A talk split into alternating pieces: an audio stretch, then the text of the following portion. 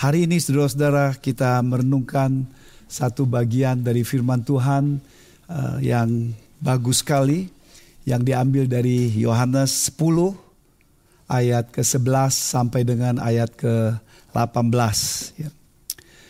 Yesus adalah gembala yang baik.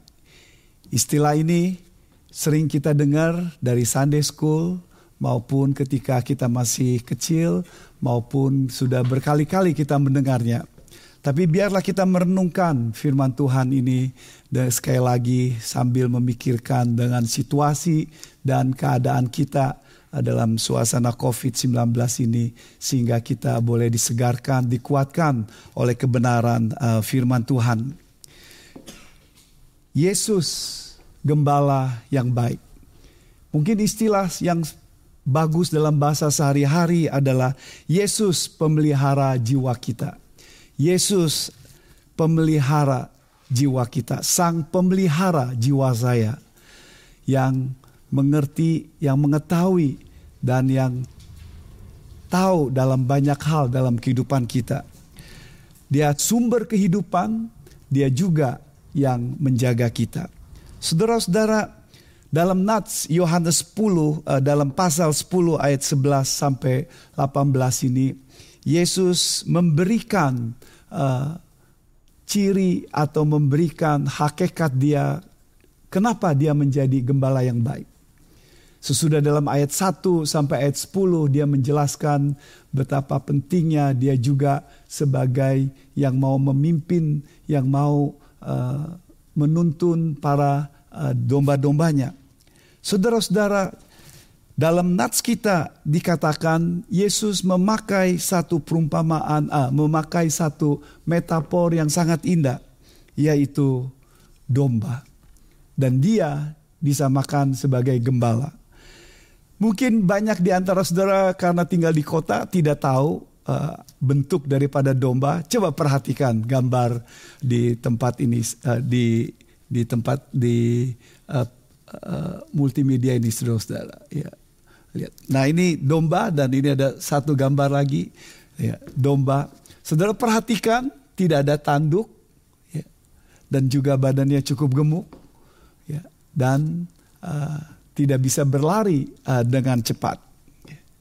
Saudara-saudara coba perhatikan yang Yesus katakan dalam bagian ini. Yang dikatakan dalam bagian ini adalah bahwa Yesus berkata, "Akulah gembala yang baik." Dan Yesus berkata bahwa human being itu sama seperti domba. Domba disamakan dengan manusia. Pertanyaannya adalah mengapa domba disamakan binatang domba disamakan dengan manusia? Saudara, kalau kita perhatikan baik-baik ciri daripada domba dan Alkitab juga menceritakan dan menjelaskan tentang hal seperti itu. Setidak-tidaknya ada dua sifat daripada domba yang kita bisa mengerti dan untuk mengerti uh, bagaimana domba ini dan bagaimana Yesus uh, menjelaskan bahwa domba disamakan dengan manusia. Ciri yang pertama adalah bahwa domba ini adalah binatang yang lemah.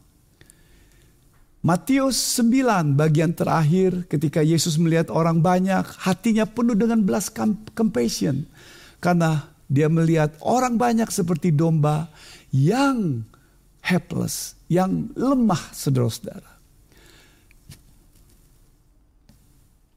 Kita tahu bahwa ketika domba disembeli juga tidak mengadakan perlawanan. Dia tidak punya tanduk, dia tidak bisa berlari cepat, dan mudah sekali diserang. Tekanan yang mau dikatakan dalam uh, Yesus uh, menyatakan sebagai bahwa dia sebagai gembala dan kita sebagai domba, mau menekankan bahwa manusia adalah itu lemah, saudara-saudara. Manusia itu terbatas. Kita terlihat lemah ketika kita baru lahir Ketika kita baru lahir, kita tidak bisa, tidak mampu berbuat apa-apa. Butuh pertolongan. Dan ketika kita nanti suatu saat ketika kita mau meninggal dunia. Ketika kita tidak bisa makan lagi dan kita susah untuk berjalan, kita susah untuk berdiri dan kita hanya bisa berbaring dan tidak bisa melakukan apa-apa. Di situlah bahwa kita tahu bahwa kita lemah. Manusia juga lemah ketika menghadapi situasi dan keadaan. Begitu banyak manusia yang bunuh diri, begitu banyak manusia yang stres, begitu banyak manusia yang depresi ketika situasi di luar daripada apa yang dia uh, tidak harapkan. Saudara-saudara dengan suasana COVID-19 ini, dunia dihentikan. Dunia berhenti. Kita ketahui bahwa uh, begitu banyak yang sudah terkena virus ini. Tadi malam saya lihat di WHO uh, di bagian kesehatan dari PBB mencatat bahwa ada sekitar udah 500 lebih 500 ribu lebih yang kena di dunia ini.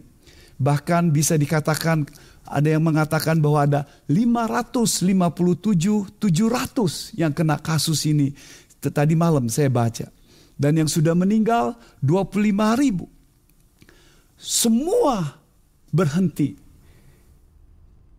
Kegiatan, aktivitas, bahkan kapal, mobil, transportasi, bahkan uh, kapal terbang pun untuk para penumpang dihentikan. Seseorang berkata ketika memberikan video tentang kota New York, New York yang disebut kota yang tidak pernah tidur. Tetapi ketika saudara lihat videonya, kota itu sepi, lengang, tidak banyak kegiatan, sunyi, sepi, seperti kota yang mati. Lemah dengan situasi dan keadaan. Tidak ada yang bisa menyangka dalam situasi seperti ini bisa menghentikan dunia kita ini. Gempa bumi bisa menghancurkan usaha bisnis dan kematian. Banjir, kebakaran. Tapi tidak pernah ada yang bisa pernah berpikir bagaimana COVID-19 ini bisa menghentikan semua banyak kegiatan aktivitas di dunia ini. Tidak terkecuali presiden bawahan, orang kaya, orang miskin, orang yang punya gelar atau tidak bisa terkena dengan COVID-19. Hal ini mau membuktikan hal yang simple, sederhana. Man is helpless. Manusia itu lemah. Manusia itu weak, lemah saudara-saudara. Dan dalam situasi dan keadaan seperti ini me membuat kita berpikir, Tuhan mengizinkan situasi dan keadaan ini. Dia bukan sumbernya, tapi Tuhan mengizinkan dalam keadaan manusia yang berdosa, keadaan seperti ini untuk menunjukkan bahwa Tuhan ingin berbicara pada kita di tengah situasi ini untuk tetap mencari Tuhan, tetap untuk dengar suara Tuhan di tengah keadaan yang terjepit seperti ini. Domba menunjukkan kelemahan, ketidakberdayaan manusia. Yang kedua, saudara-saudara, domba juga binatang yang mudah kesasar. Domba mudah sekali lost. Domba mudah sekali mencari jalannya sendiri. Itulah sebabnya perlu pimpinan, perlu seorang gembala. Yesaya berkata dalam Yesaya 53 berkata bahwa kita sesat seperti domba. Manusia sesat seperti domba mencari jalannya, mencari apa yang dia pikir itu baik. Dan Alkitab berkata, Dosa sudah menghancurkan manusia dan dosa membuat manusia itu fokus pada diri sendirinya dan tidak mencari Tuhan. Dosa membuat bahwa dirinya sebagai bos, sebagai tuan, sebagai raja, sebagai creator, sebagai ciptaan dan melupakan Tuhan. Sin blind us. Dosa membutakan kita. Itulah sebabnya banyak rumah tangga yang hancur. Suami, istri yang melakukan kegiatan yang tidak berkenan. Yang menghancurkan rumah tangganya. Anak-anak muda yang begitu masa mudanya yang seharusnya dipakai sebaik-baiknya. Tapi banyak yang hancur oleh karena kegiatan, keputusan yang diambil, yang menghancurkan kehidupannya, yang membuat masa depannya akhirnya hancur. Dosa membutakan kita melakukan sesuatu yang tidak berkenan pada Tuhan, dan kita itu anggap baik, dan kita anggap itu apa yang saya rasakan bagus, itu saya lakukan. What I feel good, I do it. Apa yang saya rasakan bagus, itu yang saya lakukan. Dan tanpa sadar bahwa jalan, sikap, tindakan yang dipilih itu adalah kesasar dan jauh yang akan menghancurkan hidupnya. Yesus Kristus mengerti situasi dan keadaan manusia dengan bagus. Itulah sebabnya Yesus menawarkan, memberikan satu jaminan bagi kita. Yesus memberikan satu jaminan bagi kita bahwa Dia pemelihara jiwa kita. Dia adalah gembala yang baik bagi kita. Dan dalam nats kita, Yesus memberikan alasannya kenapa dia sebagai gembala yang baik, saudara-saudara. Kenapa dia sebagai pemelihara yang baik. Biar saya lihat konteks ini saudara-saudara. Yohanes pasal 10 ini adalah terjadi dalam konteks suasana mau winter dikatakan dalam kalau saudara baca pasal uh, ayat-ayat berikutnya. Ya. Saudara akan dapatkan bahwa ini adalah dalam perayaan dedikasi uh, bait Allah. Ini terjadi yaitu ketika bait Allah yang kedua dibangun lalu kemudian terjadi uh, pembaruan kembali pembangunan lalu mereka bersuka cita. Dan ini perayaan yang terjadi. Dan pada umumnya menurut apa yang saya pelajari dan saya baca katanya bahwa ini kemudian dibacakan yaitu satu kitab Yeskiel. Ya satu Yeskiel yang berbicara tentang gembala yang baik dan di tengah situasi yang seperti itu, di tengah para pemimpin, para ahli-ahli agama, Yesus menyatakan bahwa Dia adalah gembala yang baik. Dan kita tahu dalam perjanjian lama bahwa gembala adalah disamakan dengan Allah. Mazmur 23 ayat 1 berkata, misalnya Daud berkata, Tuhan adalah gembalaku.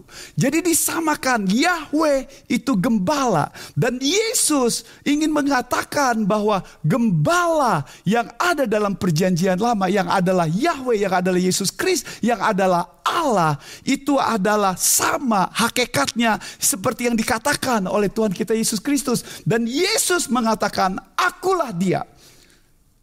Seperti kita ketahui bahwa ini adalah pernyataan yang keempat soal aku. Yesus sudah berkata, "Akulah roti hidup, akulah uh, terang dunia."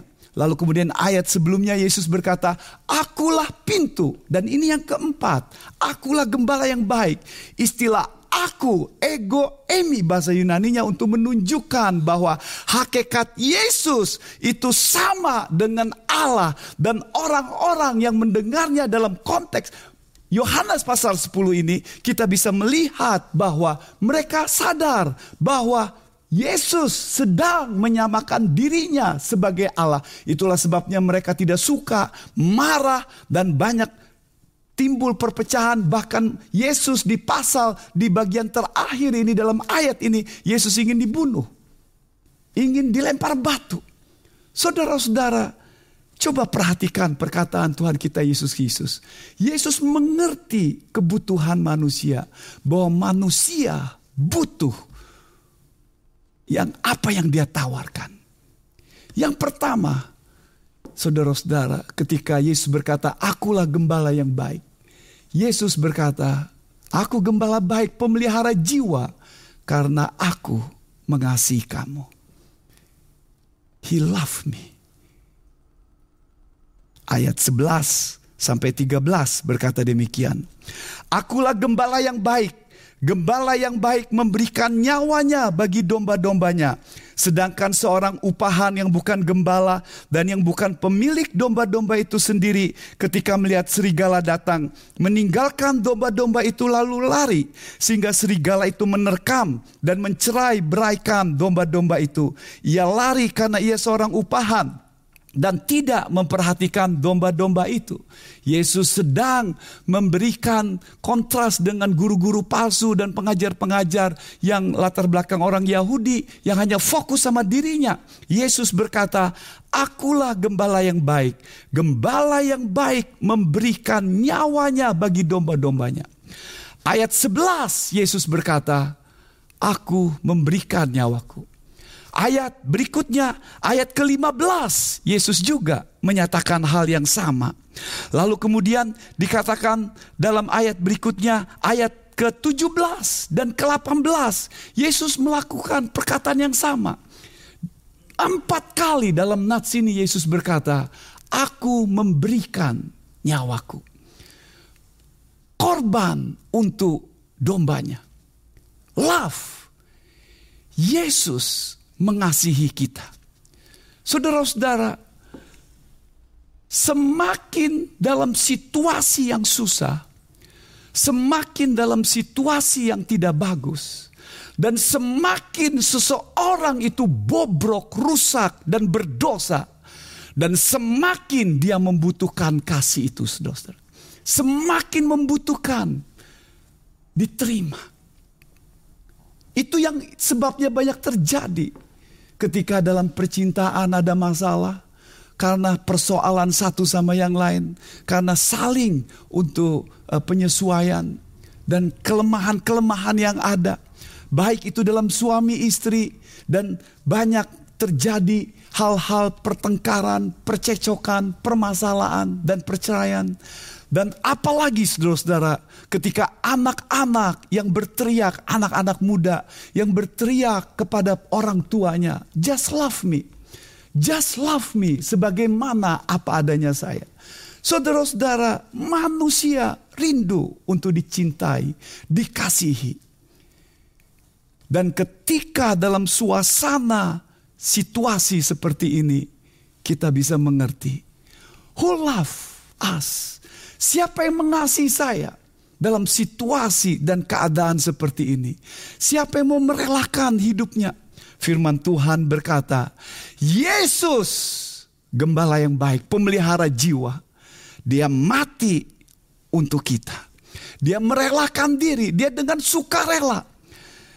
Willingly. Bukan dipaksa. Bukan dibuat orang. Tapi memang dia sengaja karena manusia orang yang berdosa. Manusia yang sudah musuh dari Tuhan. Manusia yang mencari jalannya sendiri. Manusia yang sesat. Manusia yang hatinya sudah menjadi sebagai pencipta, sebagai Tuhan membuat dirinya seperti itu. Tapi Yesus mengasihi. Yesus memperhatikan dan Yesus mati untuk kita saudara-saudara. Love yang begitu indah dan kita membutuhkan itu. Yang kedua saudara-saudara nats kita berbicara soal tentang pengetahuan Tuhan kita Yesus Kristus. Pengenalan Tuhan kita Yesus Kristus. Jesus is our shepherd because he knows me. Yesus mengenal saya, mengetahui saya. Lihat saudara-saudara ayat 14 dan ayat 16.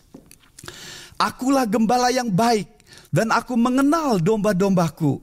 Dan domba-dombaku mengenal aku sama seperti Bapa mengenal aku. Dan aku mengenal Bapa. Dan aku memberikan nyawaku bagi domba-dombaku. Ada lagi padaku domba-domba yang lain yang bukan dari kandang ini. Domba-domba itu harus kutuntun juga. Dan mereka akan mendengarkan suaraku. Dan mereka akan menjadi satu kawanan dengan satu gembala Saudara perhatikan dalam nats itu berkata, Aku mengenal domba-dombaku dan dombaku mengenal aku. Sama seperti Bapa mengenal aku, aku mengenal Bapa.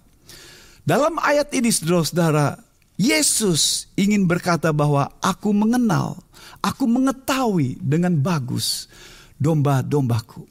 Saudara-saudara, Tuhan tahu manusia itu. Dalam nats kita, jangan salah dimengerti. Pengenalan kita akan Yesus Kristus tidak sama seperti Yesus dengan Sang Bapa. Karena nats itu berkata, aku mengenal Bapa, lalu kemudian mengenal aku sama seperti Bapa mengenal aku. Maksudnya dalam nats ini Yesus sedang berkata bahwa hubungan yang resiprokal, hubungan satu sama yang lain. Tentu pengenalan kita pada Yesus Kristus tidak seperti Yesus mengenal kita dan tidak seperti Yesus mengenal Sang Bapa dan Sang Bapa mengenal Tuhan kita Yesus Kristus, relasi yang berbeda.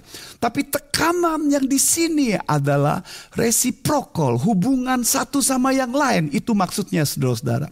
Yesus mengetahui dan mengenal hidup kita. Yesus mengetahui keberadaan dombanya. Saudara-saudara, Yesus mengetahui apa yang terjadi dalam kehidupan kita. Dia tidak buta. Dia tidak masa bodoh. Dia tidak tertidur dalam situasi keadaan COVID-19 ini. Dia mengetahui setiap kita yang bergumul. Dia mengetahui kelemahan kita. Dia mengetahui keberadaan kita. Dia mengetahui kesusahan, kesulitan, bahkan air mata kita. Dia mengetahui masa depan kita. Dia mengetahui apa yang terjadi secara keseluruhan atas hidup kita. Tidak ada yang tidak bisa diketahui olehnya, saudara-saudara. Sehingga kita bisa tenang dalam hidup ini. Pengenalan akan Tuhan yang begitu luar biasa sekali. Seseorang pernah berkata, merupakan hal yang menyedihkan sekali ketika teman dekat atau orang-orang yang kita tidak yang kenal dengan kita itu tidak tahu kita, tidak mengenal kita dan tidak peduli sama kita. Tidak peduli dan tidak mau tahu. Yesus Kristus Tuhan kita adalah Yesus pemelihara jiwa sang juru selamat kita yang hidup yang mau tahu yang peduli he love us. Dengan dia mati di kayu salib. Dan dia mengenal kita. Dia tahu kesusahan kesulitan. Banyak yang kena hem, hempasnya, himbasnya dengan situasi keadaan seperti ini.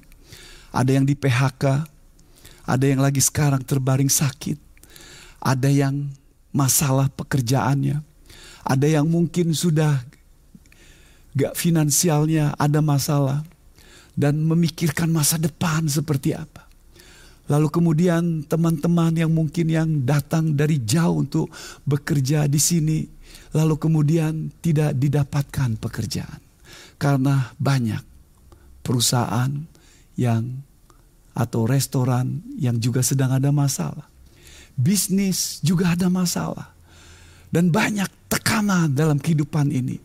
Dan hal ini membuat kita berkata, apakah Tuhan itu?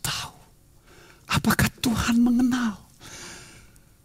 Stres situasi, keadaan seperti ini.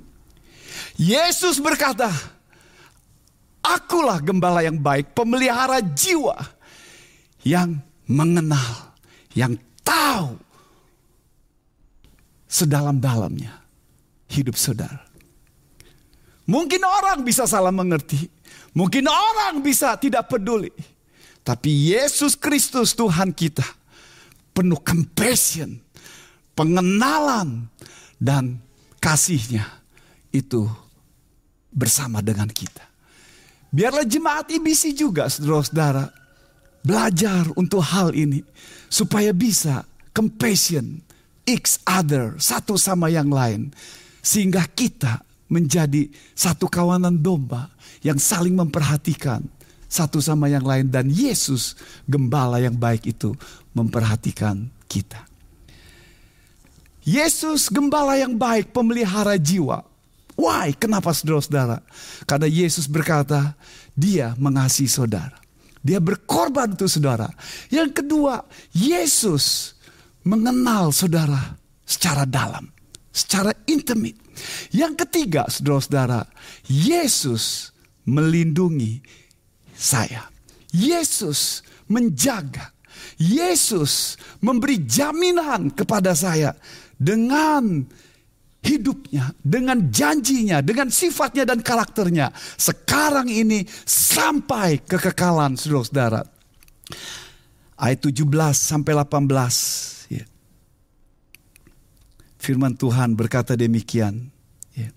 Bapa mengasihi aku oleh karena aku memberikan nyawaku untuk menerimanya kembali. Tidak seorang pun mengambilnya daripadaku, melainkan aku memberikannya menurut kehendakku sendiri. Aku berkuasa memberikannya dan berkuasa mengambilnya kembali. Inilah tugas yang kuterima dari Bapakku. Saudara perhatikan dalam nats ini saudara. Tidak seorang pun mengambil daripadaku. Melainkan aku memberikannya menurut kehendakku sendiri. Aku memberikan, aku memberikannya dan berkuasa mengambilnya. Saudara-saudara ini berbicara tentang seseorang yang sudah ikut Yesus Kristus. Seseorang di mana dia mempercayakan dirinya pada Yesus Kristus. Dan firman Tuhan memberikan, Yesus memberikan jaminan. Yesus memberikan perlindungan. Yesus memberikan penjagaan. Bukan hanya sekedar dalam hidup ini. Tapi juga nanti selama-lamanya dikatakan dalam nats ini. Saudara, kita bisa perhatikan baik-baik dalam nats ini, saudara-saudara. Ada tiga relasi yang kita bisa perhatikan di sini. Tadi Yesus memberikan tentang loving relationship. Yesus memberikan relasi yang penuh dengan cinta. Lalu kemudian Yesus juga memberikan living relationship. Yesus menjaga, memperhatikan, mengenal kita. Dan dalam nats kita ayat 17 dan 18, Yesus memberikan lasting relationship. Loving relationship, living relationship, dan lasting relationship yang selama-lamanya. Sehingga kita bisa tenang dengan apa yang Yesus lakukan untuk kita. Dia menjaga, dia melindungi, dia memperhatikan hidup kita. Tidak ada yang bisa memisahkan kesakitan, penganiayaan, kematian, penderitaan, suffering, dan hal-hal yang menjepit hidup kita. Alkitab berkata, tidak ada yang bisa memisahkan. Dia menjaga kita, dia menopang kita, dengan luar biasanya saudara-saudara. Sehingga dalam situasi apa pun juga yang kita hadapi dan dalam COVID-19 ini, apa pun yang terjadi dalam hidup kita yang mungkin sekarang yang ketika lagi uh, memperhatikan dan menonton dan mendengar live stream ini yang lagi sedang sakit, yang lagi sedang ada masalah dengan COVID-19, membiarkan dirinya mempercayakan diri pada Yesus Kristus sebagai Tuhan dan gembala yang baik yang menopang, yang menolong dalam kehidupannya dan memberi jaminan bahwa dia menemani, menuntun bersama dengan saudara. Saudara, pertanyaannya ini saudara, kalau gitu Bagaimana saya bisa menjadi domba Tuhan kita Yesus Kristus? Kalau saudara baca selanjutnya ayat 38 39 Yesus berkata pada para pemimpin agama, "Kamu bukan dombaku karena kamu tidak percaya." Karena kamu tidak percaya. Jadi dalam nats kita dikatakan ketika kita percaya pada Yesus Kristus sebagai Tuhan dan Juru Selamat kita, kita disebut domba-domba Allah. Kita dikatakan menjadi dombanya. Di mata Tuhan, Alkitab berkata, kita adalah dombanya. Lalu karena dombanya, makanya kita mempunyai satu relasi yang bagus. Kita percaya kepadanya. Saudara-saudara, ini suatu hal yang indah sekali. Yesus mengajarkan dari segi manusia kita percaya. Tapi dari segi pandangan Tuhan. Karena kita adalah sebagai sip, sebagai domba. Itulah memberikan bahwa ada bukti kita percaya kepadanya. Saudara-saudara, ketika saudara di rumah yang lagi menonton ini, ketika saudara bergumul dan saudara belum ambil keputusan dan berkata, "Yesus, saya orang berdosa. Saya sudah ke gereja, saya sudah ikut berbakti, saya sudah ikut perayaan Natal, saya sudah ikut perayaan Paskah, tapi saudara belum punya hubungan secara pribadi pada gembala, pemelihara yang baik." Yesus menawarkan dan berkata pada saudara saat ini, "Apa adanya saudara, keberadaan saudara, apa pun latar belakang belakang saudara, dosa saudara, kelemahan saudara, dalam keadaan apa pun ketika saudara berbaring saat ini dan berkata, Yesus, Engkau Tuhan dan Juru Selamat saya, ampuni saya, saya orang berdosa. Saya percaya Engkau, Kau sudah mati untuk saya dan bangkit kembali. Dan Yesus berkata, Engkau jadi dombaku. Domba yang kemudian mendengar, memperhatikan, dan mau dituntun oleh Tuhan kita Yesus Kristus. Saudara-saudara, saya ingin mengakhiri khotbah ini dengan satu prinsip yang indah sekali, saudara-saudara. Dalam nats ini kita diingatkan bahwa bukan apa yang kita tahu, tapi siapa yang kita tahu. Siapa yang kita tahu? Itu akan mempengaruhi kehidupan kita dalam sehari-hari. Saudara-saudara, saya baca salah satu pengkhotbah yang memberikan ilustrasi seperti ini dalam ada satu cerita. Cerita untuk mengutip Mazmur 23. Lalu kemudian banyak orang yang menonton dan mendengarkan. Seseorang yang sudah pengalaman sebagai seorang orator dan juga yang pandai uh, dalam baca puisi. Lalu kemudian dia maju, lalu kemudian dia mengutip Mazmur 23 dengan bagus. Tuhan adalah gembala yang baik. Dan selanjutnya dengan kata-kata syair dan yang luar biasa. Semua orang tepuk tangan. Wah More, more, lagi, lagi. Ya. Orang pengen dengar dan kasih tepuk tangan. Lalu kemudian giliran satu bapak yang sudah tua, lebih tua dari yang dari pertama. Dia membaca, uh, dia mengutip Mazmur 23 maksud saya. Dia mengutip Mazmur 23 dengan kesungguhan hatinya.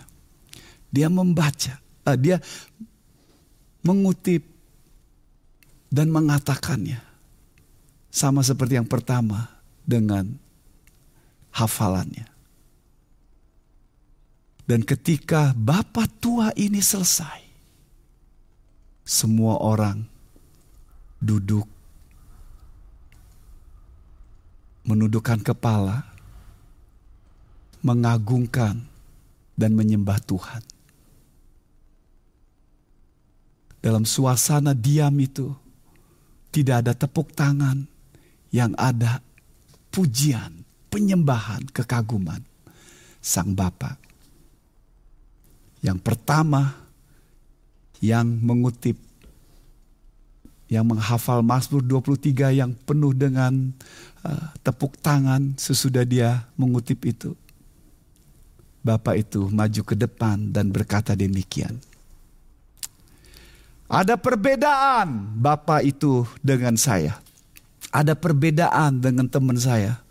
Dengan apa yang saya katakan, apa yang saya kutip. Sama-sama mengutip Mazmur 23. Saya tahu Mazmur 23.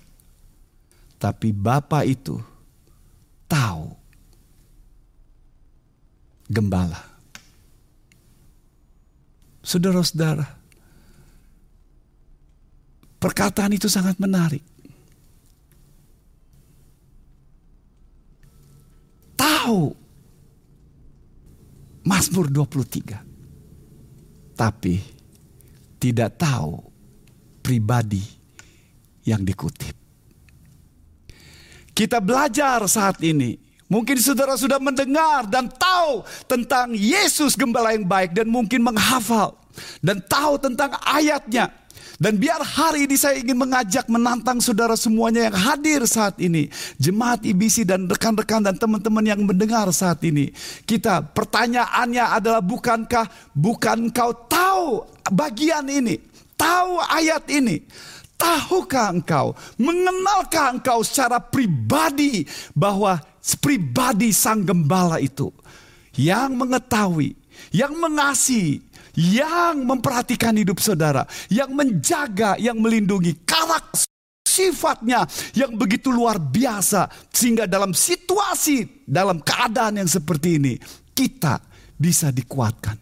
Kiranya Tuhan memberkati dan menambah kita makin dekat kepada Tuhan kita Yesus Kristus.